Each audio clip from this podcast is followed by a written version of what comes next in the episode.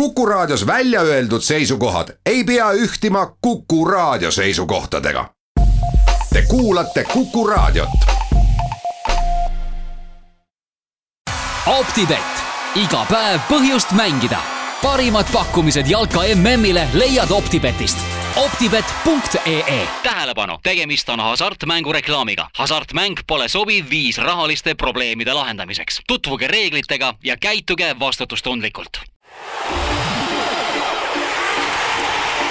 Kuku jalgpallipäevik. optibett, iga päev põhjust mängida täna tehakse jalgpalli maailmameistrivõistlustel algust veerandfinaalidega. päeva esimeses mängus kohtuvad Uruguay ja Prantsusmaa, teises Brasiilia-Belgia. alanud on Kuku jalgpallipäevik, mina olen Andres Must enne saate sisulise poole juurde jõudmist tuletan meelde, et täna jätkub ka meie ennustusmäng, mille leiate Kuku Facebooki lehelt. ennustusmäng toimub Optibeti välja pandud auhindadele, milleks Eesti Rannajalgpalliliiga ametlik meeskonnariietus, pusa, särk ja nokamüts ning lisaks Nike'i rannajalgpallipall. ennustusmänguks Brasiilia-Belgia täna teeb veerandfinaalmängudega algust tabelipool, kus arvatakse peituvat järgmine maailmameister. tõepoolest, Uruguay, Prantsusmaa, Brasiilia ja Belgia on nelja peale kokku võitnud kaheksa maailmameistritiitlit ning vaid Belgia on see, kelle parimaks tulemuseks seni jäänud kaheksakümne kuuendast aastast pärit poolfinaalkoht. tabeli teine pool, Horvaatia, Venemaa, Rootsi ja Inglismaa on küll kõik jõudnud varem vähemalt korra poolfinaali, seda tingimusel, et peame Venemaad Nõukogude Liidu õigusjärglaseks, kuid tiitlini on jõudnud vaid Inglismaa, sedagi vaid korra. maailma suurimate kihlveokontorite vaieldamatuks favoriidiks on Brasiilia, kelle võiduvõimalusi hinnatakse suhtele viis kahele. Brasiiliale järgneb Prantsusmaa, siis Belgia ning neljandana Horvaatia võttes aluseks need ootused, võib neljast veerandfinaalist eraldi välja tuua just tänaõhtuse Brasiilia-Belgia kuna tegemist on ka meie ennustusmänguga, siis püüame kuulajale ennustamiseks anda väikseid vihjeid, kuulates korra, kuidas hindasid oma meeskonna võimalusi Kuku jalgpallipäeviku kuulajale juba tuttavad Brasiilia ajakirjanik Tasler Marquez ja tema Belgia kolleeg Frederik Van Hoyle. räägib Tasler Marquez. I think Brazil has more World Cup history and ma arvan, et eh, Brasiilial on suuremad kogemused maailmameistrivõistlustel ning ka praeguses meeskonnas on võimekamad mängijad. kuid loomulikult on Belgia kõige raskem meeskond, kellega Brasiilia sel turniiril seni vastakuti läinud on, võrreldes siis Mehhiko, Serbia, Šveitsi ja Costa Ricaga kui nüüd äh, piiluda tulevikku, siis Prantsusmaa võib olla üldse kõige raskem vastane meile, aga see oleks alles äh, poolfinaali teema. praegu usume, et kui Brasiilia mängib Belgia vastu samal tasemel kui seni ning paneb oma tugevused maksusele, näiteks tugev kaitse, nagu te ehk isegi teate, on Brasiilia nelja mänguga lasknud ju vaid ühe värava näib tõesti nii, et treener on leidnud väga hästi toimiva meeskonna. Ja lisaks on Brasiilial ka Neimar, maailma üks parimaid mängijaid ja Coutinho. ehk siis ole näha, kas eh, Brasiilia suudab korrata kuueteistkümne aasta tagust eh, situatsiooni, kus ka siis oli meie teel Belgia, kelle suutsime alistada ning lõpuks ka finaali jõuda. Brazil advanced into the final nii aga arvas Frederik van Hoyle. I see it quite positive because uh, we will have more space ma usun, et meie šansid on päris head, sest äh, võib arvata, et Brasiilia võtab äh, mängu kohe oma kontrolli alla ning see jätab meile rohkem ruumi. ja on ju teada, et äh, Belgia on vasturünnakutel väga hea, nägime seda ju ka eile Jaapani vastu mängu viimasel minutil.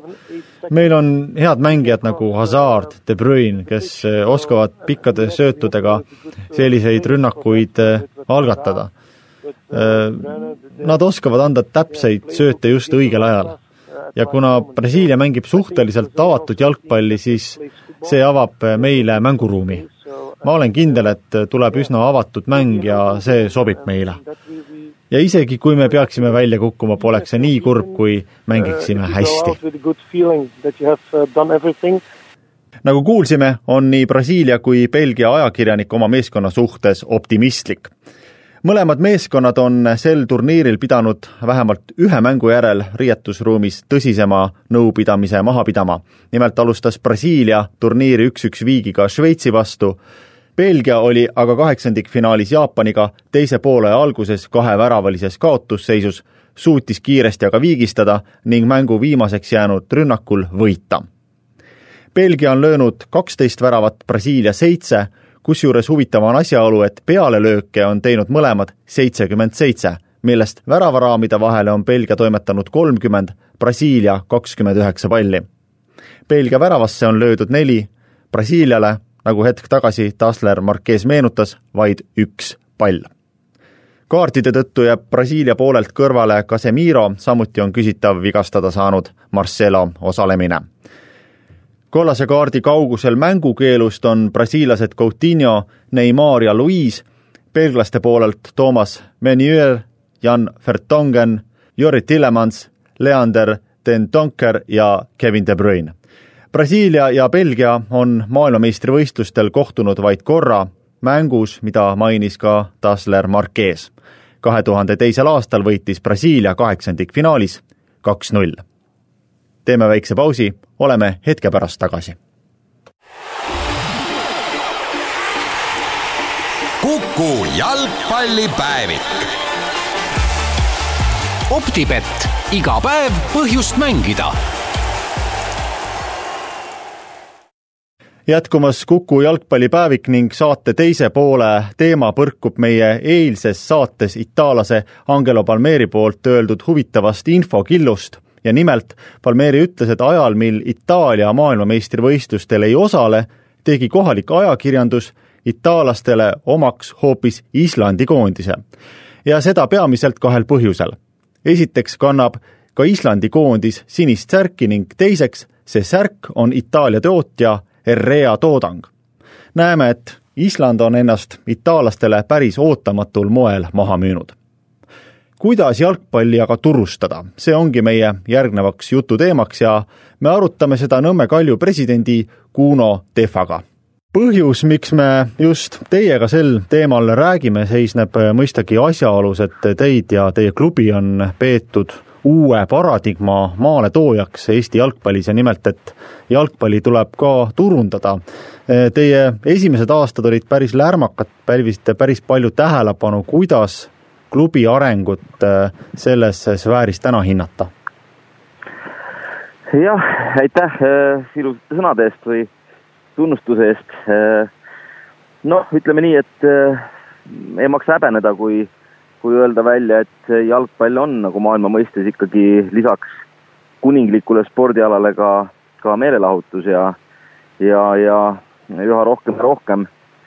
seda osa siis ka maailma jalgpalli siis erinevates kihtides väärtustatakse rohkem ja tõepoolest, et kui me üks viisteist aastat tagasi Kaljuga nii-öelda alustasime Eesti jalgpallimaastikul, siis äh, mõnede jaoks võib-olla tundus see vastuvoolu ujumisena, aga meile tundus see nagu loogiline, kuna jalgpall tollel ajal veel ei pakkunud võib-olla meie sponsoritele nii ütleme siis mastaapset väljundit äh, mängu endana, et siis oli vaja olla nagu paralleelselt nutikas ja pakkuda siis neid väljundeid oma toetajatele läbi siis muu turundustegevuse ja ma arvan, et need asjad ka käsikäes on praegu meil siiamaani väga heas tasakaalus ja ja, ja oleme saavutanud sellise nüüd ütleme siis äh, sportliku poole ja, ja, ja ka siis nii-öelda selle turunduspoole peal niisuguse ma arvan, vahva tasakaalu, et me teadlikult oleme selles suunas nagu liikunud. et kõik tegelikult klubid on täna, ütleme siis nüüd juba ütleme pea kakskümmend aastat hiljem, kui me alustasime äh, hoopis teise hoiakuga, äh, ütleme siis turundusvaldkonda suhtumas ja pingutavad juba vähem või, või, või, või suuremal määral ikkagi kõik ja, ja ütleme, see turundustegevuse teravik on, on tegelikult meil algusest peale olnud suunatud oma konkreetsesse kogukonda, et Nõmme Kalju puhul on nagu võib-olla nagu lihtsam, et meil on klubil väga väga pikka ajalugu, et aastast tuhat üheksasada kakskümmend kolm ja asunud Nõmmel ja asutatud Nõmmel. Ja see Nõmme nii-öelda kogukondlik toetus on olnud meie klubile väga suur, kuna on olemas selge, selge nagu võrdusmärk identiteet ja hilisema aja klubid, mis on loodud siin nüüd ütleme võib-olla praeguse Eesti Vabariigi ajal, siis nendel on võib-olla olnud raske natuke enda sellist kohta leida ja ennast kellegiga seostada, aga aga sellegipoolest ma arvan, et areng on, on, on toimumas ja meie jaoks on ka see väga oluline olnud, et just üksi seda ei tee, vaid et on olemas ka nii-öelda turunduslikud sparringupartnerid, et see on alati väga tähtis. mille poolest siis õigupoolest erineb jalgpalliklubi turustamine näiteks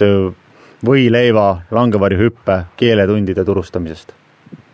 aus vastus on, et mitte millegi poolest, et ma arvan, et et põhimõtted turunduses on ikka samad, et, et kui me käsitleme jalgpalli kui toodet, noh, siis võib ju paralleeli tõmmata leivale või võileivale või ükskõik mis muule asjale, lihtsalt on vaja vastav,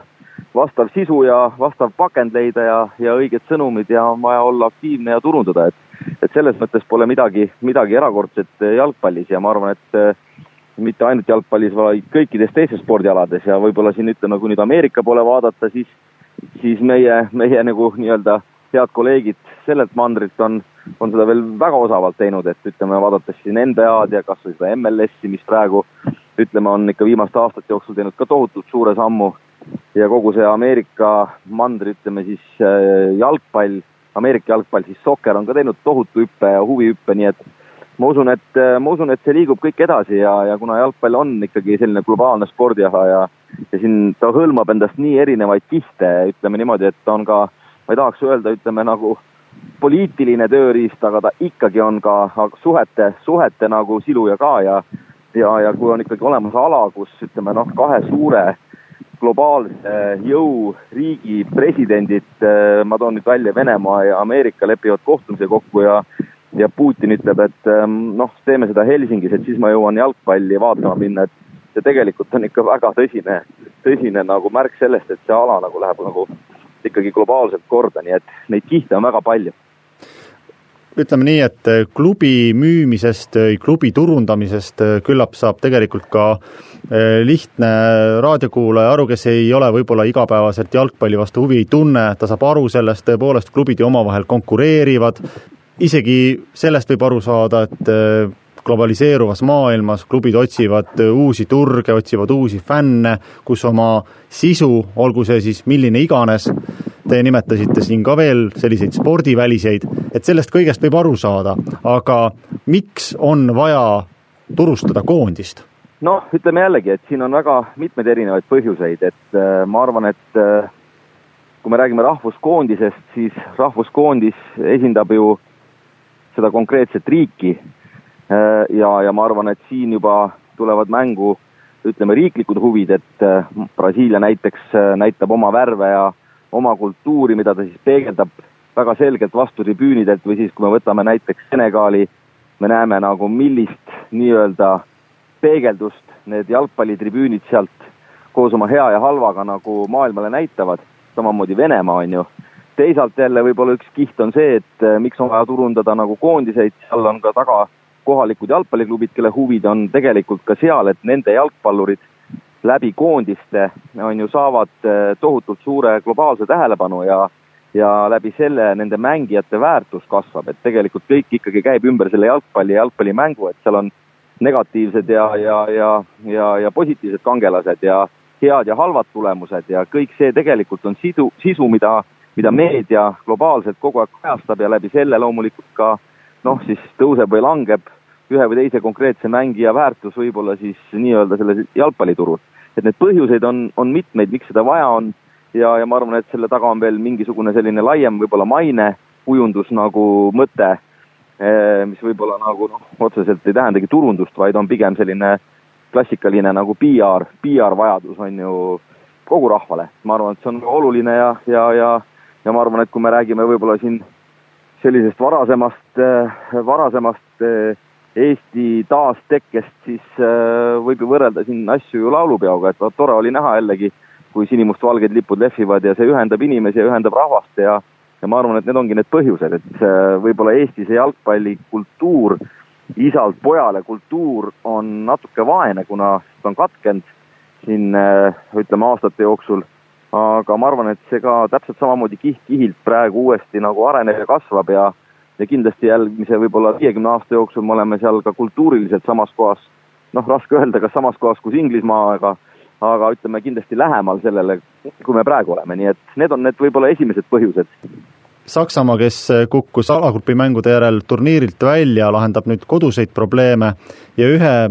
küsimusena on seal esile kerkinud ka just koondise turustamine, mis olla sel korral olnud väga agressiivne ja on viinud sellise teatava vastuoluni, kus siis äh, fännid muudetakse tarbijaks, et kuidas sellist vastuolu äh, lahendada, kas seda üldse on võimalik lahendada? no ma arvan, et seda ei maksa karta, et äh, kui me alustasime oma juttu sellest, et jalgpall on, on tegelikult meelelahutus ja kui me suudame talle nagu ikkagi nagu vaadata otsa, öelda, et see on ikkagi toode, on ju, ühte või teistpidi ja ta peab olema heas tasakaalus loomulikult ja siin ei ole midagi parata, siis siis selge on see, et äh, need fännid ongi tegelikult tarbijad, seepärast et nad tarbivad seda toodet, ostavad äh, iga riigi fännid oma, oma riigi särke, atribuutikat, et siin ei ole midagi teha, aga aga loomulikult, kui nüüd rääkida Saksa koondisest, siis eh, noh, olgem ausad, et et väga edukas koondis,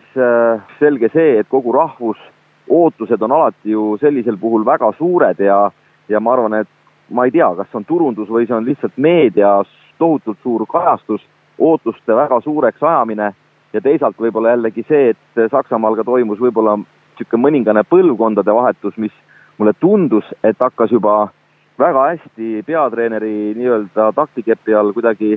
ellu minema, aga mingil hetkel jällegi tõmmati seinast juhe välja ja, ja võib-olla väristati jalga ja anti ikkagi rohkem ja rohkem ütleme sellist nii-öelda võimalust nendele vanadele ja võib-olla seal tekkiski see väike selline, selline käärikoht, kus nagu üks ja teine põlvkond võib-olla väga hästi ei sobitunud kokku ja nagu ütleme nii, et äh, vene keeles on öeldud, et nii rõõba, nii mjassa, et ühesõnaga võib-olla sellepärast ka see, see natuke nigel tulemus seal nüüd selle aasta MM-il ka. aga selge on see, et kui, kui on ebaedu, siis on ka tuhat põhjust ja lahatakse, et miks just nii ja miks just naa ja ja kindlasti sellepärast käis ka see üle, et võib-olla kajastus suur, turundus suur. Ja ju see oli ka mingi põhjus, aga noh, eks selge on see, et ootused olid ju suured ja Saksamaa koondis on ju ikoon maailmas ja ja, ja ma arvan, et midagi hullu ei ole, et kui nad nüüd see aasta nagu võib-olla põrusid ja ütleme, maailma selline ajalugu ja statistika ju näitab, et äh, valitsevad meistrid tihti põruvadki ja ja siin ongi nagu selles mõttes nagu paratamatu olukord, et siis võib-olla järgmises tsüklis juba olukorrad muutuvad ja tulebki see noorem põlvkond ja ja, ja, ja näitab sedasama Saksamaa uut, uut jalgpalli, nii et ma arvan, et see on paratamatu ja käib asja juurde ma tahaks päris lõpetuseks küsida see niimoodi, et kui me alustasime klubidest, oleme jõudnud nüüd koondiste juurde, siis mille poolest äh, turunduse adressaat klubide ja koondiste puhul äh, erineb? noh, ikka erineb, selles mõttes, et kui me klubide tasandil räägime, siis võib-olla see teravik on ikkagi suunatud äh, kohalikule sellisele esimesele nii-öelda kogukonnale ja kui me räägime rahvuskoondisest, siis see on ikkagi suunatud kogu, kogu, kogu rahvale, eks. Küll aga jällegi siin on ka väike vastuolu sees, et kui me võib-olla toome siin Manchester Unitedi näite, kes võib-olla on pärit Manchesterist ja võib-olla ta tegelikult müüb oma särke kõige rohkem hoopis Hiinas, et neid nii-öelda fänne või, või, või pooldajaid tegelikult ka Nõmme kaljul on üle Eesti, et meil on Setumaal nagu toetajad, meil on Tartus toetajad, meil on äh, Rakveres, äh, Ida-Virumaal toetajad, Läänemaal on väga suured toetajad, aga me oleme pärit nii-öelda oma juurtega Nõmmelt, on ju, aga võib-olla ikkagi siiski see teraviku asetus rahvuskoondise ja klubi vahel üks on lokaalne, teine on siis noh, ma ei tahaks öelda globaalne, aga vähemalt üleriigiline. aitäh huvitavate mõtete eest, Nõmme Kalju president Kuno Tehva! aitäh teile ka! Jalgpallipäevik tõmbab tänaseks otsad kokku. tuletan meelde, et jätkumas ennustusmäng Optibeti välja pandud auhindadele ning tänaseks ennustusmänguks Brasiilia-Belgia. ilusat õhtut! kuku jalgpallipäevik optibett, iga päev põhjust mängida